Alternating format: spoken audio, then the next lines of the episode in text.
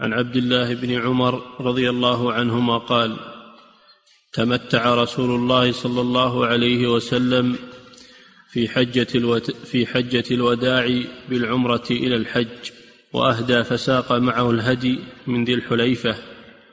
وبدا رسول الله صلى الله عليه وسلم فأهل بالعمرة ثم أهل بالحج. فتمتع الناس مع رسول الله صلى الله عليه وسلم فأهل بالعمرة إلى الحج فكان من الناس من أهدى فساق الهدي من ذو الحليفة ومنهم من لم يهدي. فلما قدم النبي صلى الله عليه وسلم مكة قال للناس من كان منكم أهدى فإنه لا يحل من شيء حرم منه حتى يقضي حجه. ومن لم يكن منكم أهدى فليطف بالبيت وبالصفا والمروة. وليقصر وليحلل ثم ليهل بالحج وليهدي. فمن لم يجد هديا فليصم ثلاثة أيام في الحج وسبعة إذا رجع إلى أهله. فطاف رسول الله صلى الله عليه وسلم حين قدم مكة واستلم الركن أول شيء ثم خب ثلاثة أطواف من السبع ومشى أربعة. وركع حين قضى طوافه بالبيت عند المقام ركعتين ثم سلم فانصرف. فأتى الصفا فطاف بين الصفا والمروة سبعة أطواف ثم لم يحل من شيء حرم منه حتى قضى حجه ونحر هديه يوم النحر وأفاض فطاف بالبيت ثم حل من كل شيء حرم منه. وفعل ما فعل رسول الله صلى الله عليه وسلم من أهدى وساق الهدي من الناس. نعم. وهذا حديث ابن عمر في صفة حج النبي صلى الله عليه وسلم. تقرأه جملة جملة. نعم. أحسن الله إليك. عن عبد الله بن عمر رضي الله عنهما قال تمتع رسول الله صلى الله عليه وسلم في حجة الوداع بالعمرة إلى الحج. نعم. قوله تمتع رسول الله معناه أنه قرن بين الحج والعمرة والقارن يسمى متمتعا لأنه جمع بين الحج والعمرة يسمى متمتعا. فمعناه أن الرسول أحرم بالعمرة والحج من ذي الحليفة من الميقات. هذا معنى تمتع رسول الله صلى الله عليه وسلم بالعمرة إلى الحج. وليس معناه أنه أحرم بالعمرة أولا ثم فرغ منها ثم أحرم بالحج بعد ذلك. لا الرسول لم يفعل هذا.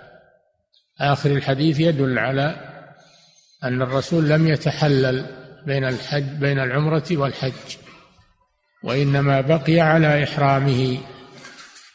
فيكون المراد بقوله تمتع رسول الله بالعمرة إلى الحج أي جمع جمع بين العمرة والحج في إحرامه قارنا عليه الصلاة والسلام.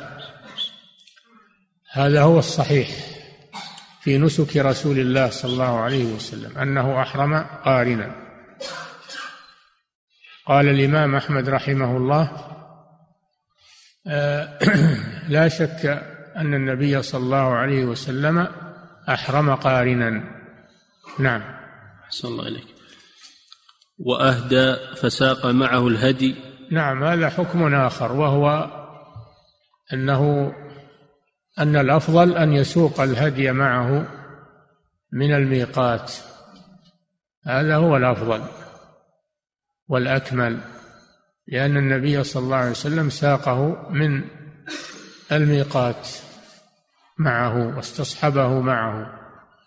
ولو لم يسقه من الميقات واشتراه من الطريق أو اشتراه من من الحرم فلا بأس بذلك. لكن الأفضل والأكمل أن يسوقه من الميقات من حين يحرم. هذا أفضل لفعل النبي صلى الله عليه وسلم. والهدي هو ما يهدى إلى البيت تقربا إلى الله جل وعلا. ما يهدى إلى البيت من الإبل أو البقر أو الغنم ويذبح هناك تقربا إلى الله ويتصدق بلحمه على الفقراء والمساكين ويؤكل منه يأكل منه صاحبه. نعم. وأهدى فساق معه الهدي من ذي الحليفة. نعم. وبدا رسول الله صلى الله عليه وسلم فأهل بالعمرة ثم أهل بالحج. كما سبق أن معناه انه أهل بعمرة وحج معا قارنا عليه الصلاة والسلام. نعم قال الإمام أحمد لا أشك أنه كان قارنا. صلى الله عليه وسلم.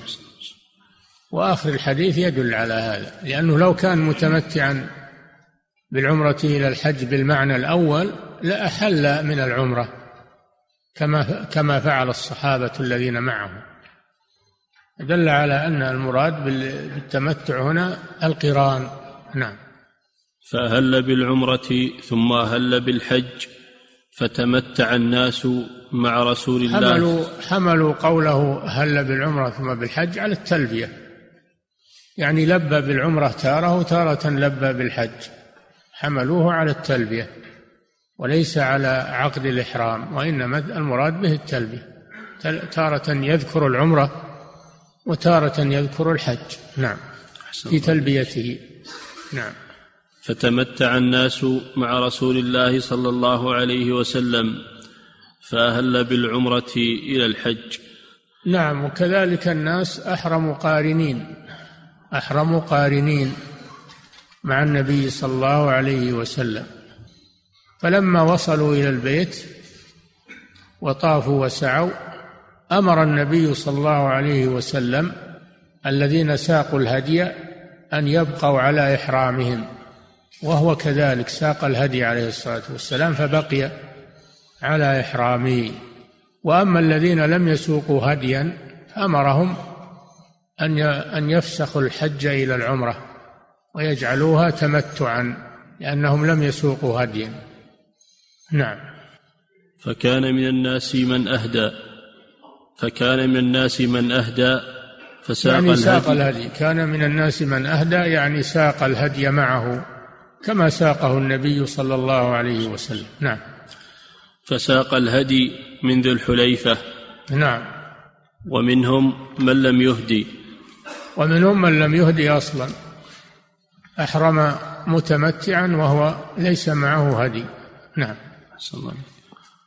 فلما قدم النبي صلى الله عليه وسلم مكة قال للناس من كان منكم أهدى فإنه لا يحل من شيء حرم منه حتى يقضي حجه. لقوله تعالى ولا تحلقوا رؤوسكم حتى يبلغ الهدي محله. محله. يعني وقت ذبحه يوم العيد. نعم. ومن لم يكن منكم أهدى فليطف بالبيت وبالصفا والمروة وليقصر وليحلل. نعم واضح هذا واضح أن الذين ساقوا الهدي من من من الميقات يبقون على إحرامهم وفيهم رسول الله صلى الله عليه وسلم. وأما من لم يسق الهدي فإنه يحول إحرامه إلى تمتع يفسخ الحج إلى العمرة ويجعله تمتعا ويحل من إحرامه بعد العمرة ثم يحرم بالحج بعد ذلك ويكون عليه هدي التمتع. نعم. ومن لم يكن منكم أهدى فليطف بالبيت وبالصفا والمروة. وبالصفا والمروة يعني يسعى بين الصفا والمروة. والسعي بين الصفا والمروة يسمى طوافا كما قال سبحانه وتعالى إن الصفا والمروة من شعائر الله فمن حج البيت أو اعتمر فلا جناح عليه أن يطوف بهما. فالسعي بين الصفا والمروة يسمى طوافا أيضا. نعم. وليقصر وليحلل ثم ليهل بالحج وليهدي. هذا هو التمتع. أن يفصل بين العمرة والحج بتحلل. إذا أكمل مناسك العمرة يحل ويلبس ثيابه ويباح له ما كان من محظورات الإحرام لأنه عاد حلالا كحالته قبل الإحرام. نعم. الله فمن لم يجد هديا فليصم ثلاثة أيام في الحج وسبعة إذا رجع إلى أهله. نعم هذا المتمتع والقارن. المتمتع والقارن كل منهما يجب عليه الهدي فما استيسر من الهدي. وكما سبق أن الهدي إما بعير وإما بقرة وإما شاة وأن البعير والبقرة يجزيان عن سبعة وأن الشاة تجزي عن واحد فقط.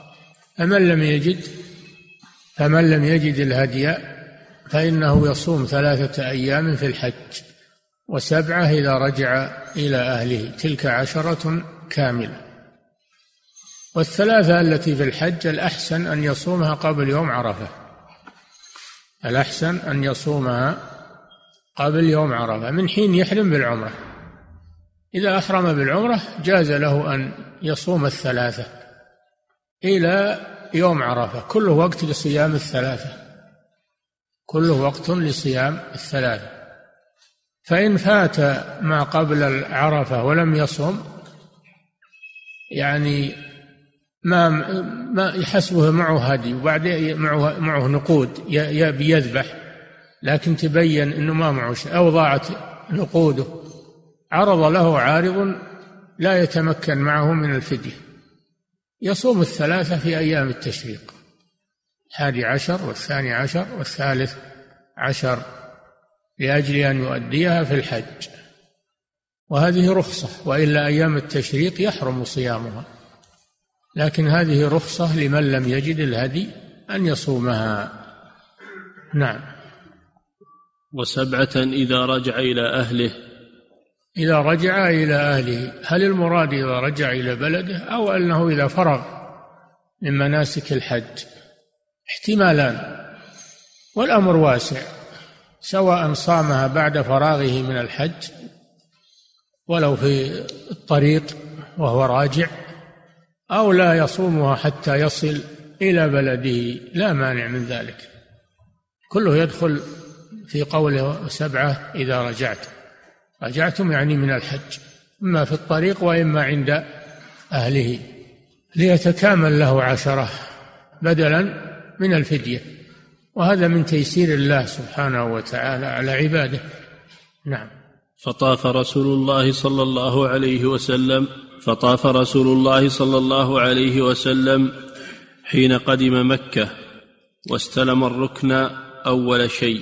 نعم هذا فيه دليل على أن المت... على أن القارن والمفرد إذا قدم إلى مكة يستحب له أن يطوف طواف القدوم. يستحب له أن يطوف طواف القدوم هذا السنة. طواف القدوم سنة. نعم. واستلم الركن أول شيء. نعم هذا يدل على أنه يبدأ الطواف من الحجر. يبدأ الطواف من الحجر ويستلمه بيده يمسحه بيده ويقبله إن أمكن كما سبق. أو يشير إليه إذا وجد الزحام يشير إليه يحاذيه ويشير إليه ثم يستمر في الطواف إلى أن يكمل سبعة أشواط. نعم من الحجر إلى الحجر. كل شوط من الحجر إلى الحجر. نعم. ثم خب ثلاثة أطواف من السبع. كما سبق هذا الرمل.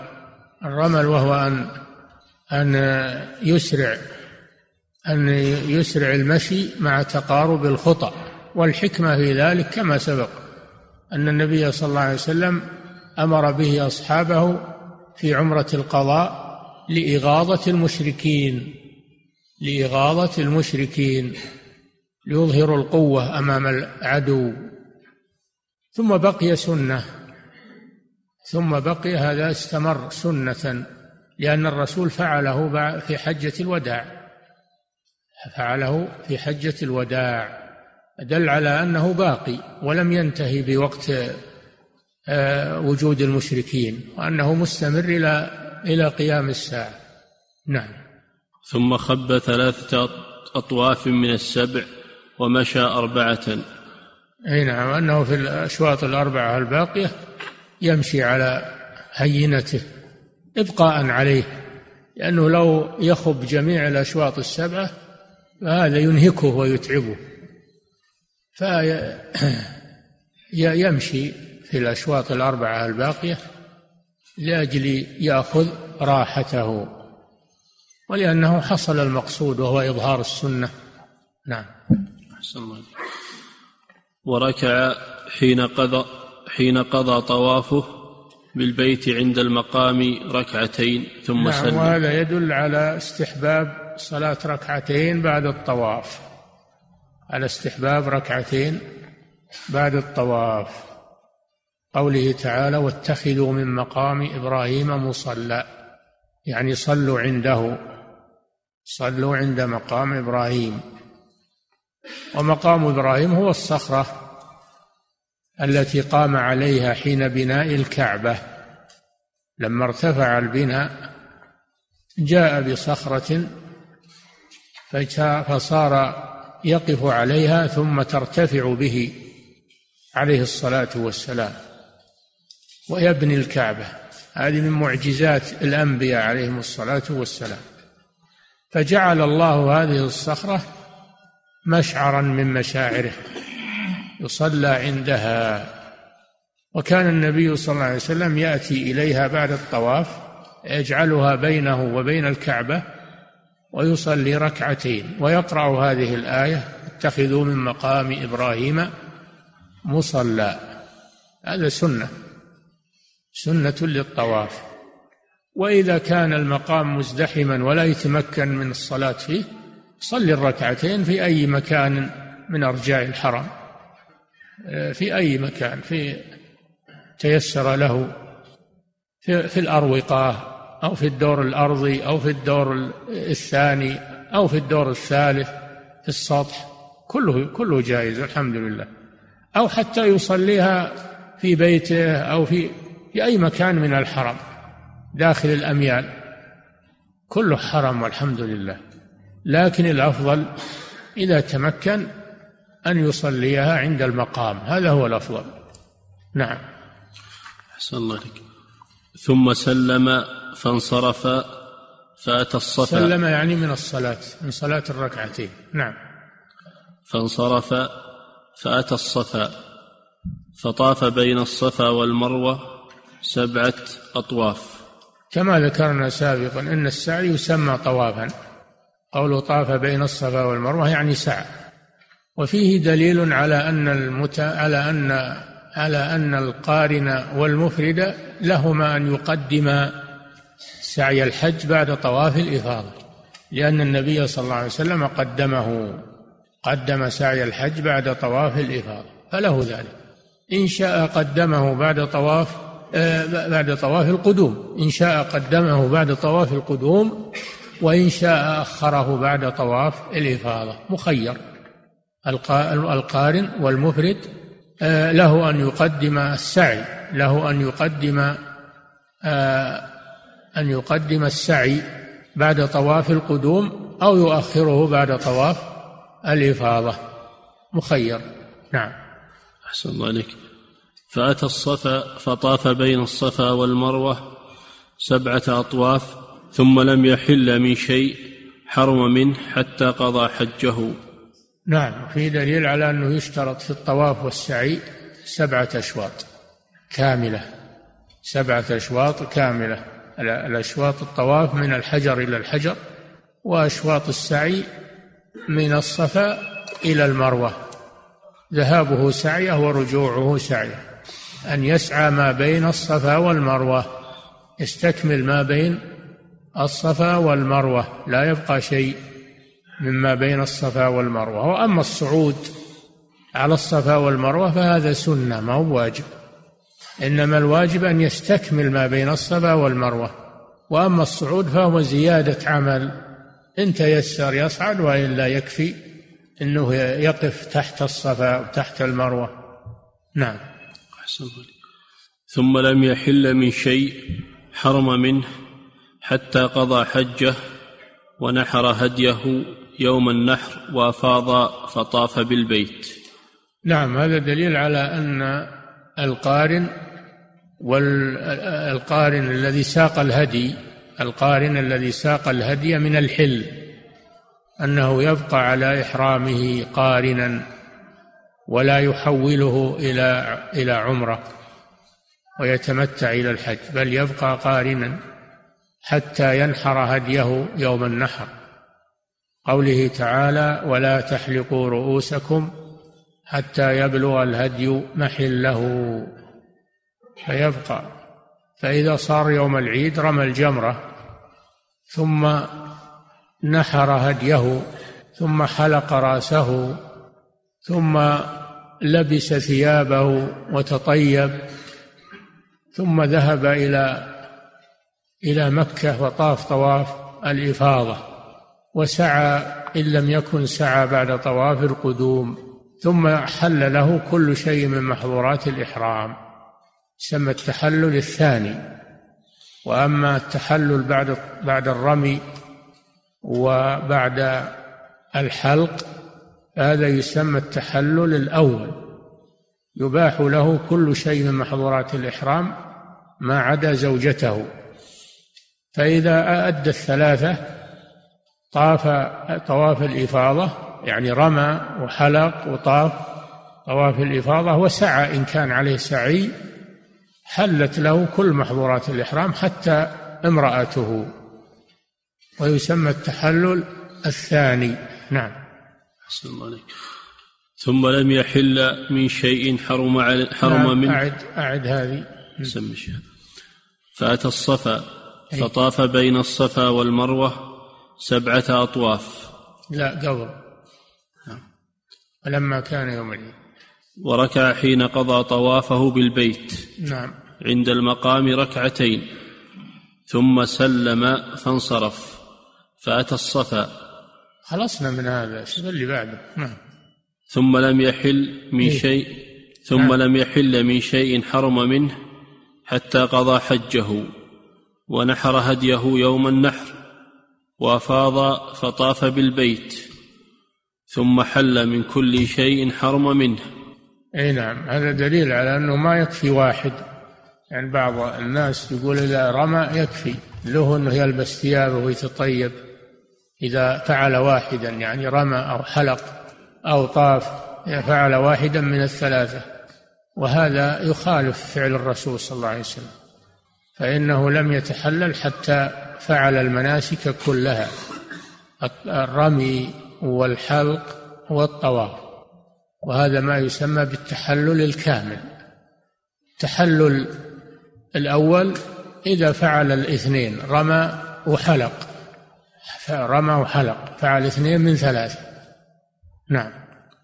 وأفاض فطاف بالبيت ثم حل من كل شيء حرم منه وفعل ما إيه. فعل. آه، حل من كل شيء حرم منه بالإحرام يعني. ما هو معناه أنه حل له كل شيء حرام عليه. لا الحرام حرام يبقى دائما الميتة والدم ولحم الخنزير والربا والزنا والسرقة هذه حرام دائما على المحرم وغيره. وإنما المراد حل له كل شيء حرم عليه بالإحرام. حرم عليه بالإحرام كحلق رأسه والطيب وتغطية الرأس ولبس المخيط. والاستمتاع بزوجته هذا معناه. نعم. وفعل ما فعل رسول الله صلى الله عليه وسلم من أهدى وساق الهدي من الناس. اي نعم. الذين معهم هدي ساقوه من الحل أو من الميقات يبقون قارنين ولا يحلون من إحرامهم إلا يوم العيد. نعم. عن حفصة وأما الذين ليس معهم هدي فكما سبق. إذا طافوا وسعوا يحلقون رؤوسهم أو يقصرون ثم يتحللون من الإحرام. ثم إذا كان يوم التروية يحرمون بالحج. هذا ما فعله القسم الثاني من الصحابة الذين مع الرسول صلى الله عليه وسلم الذين لم يسوقوا هديا. نعم.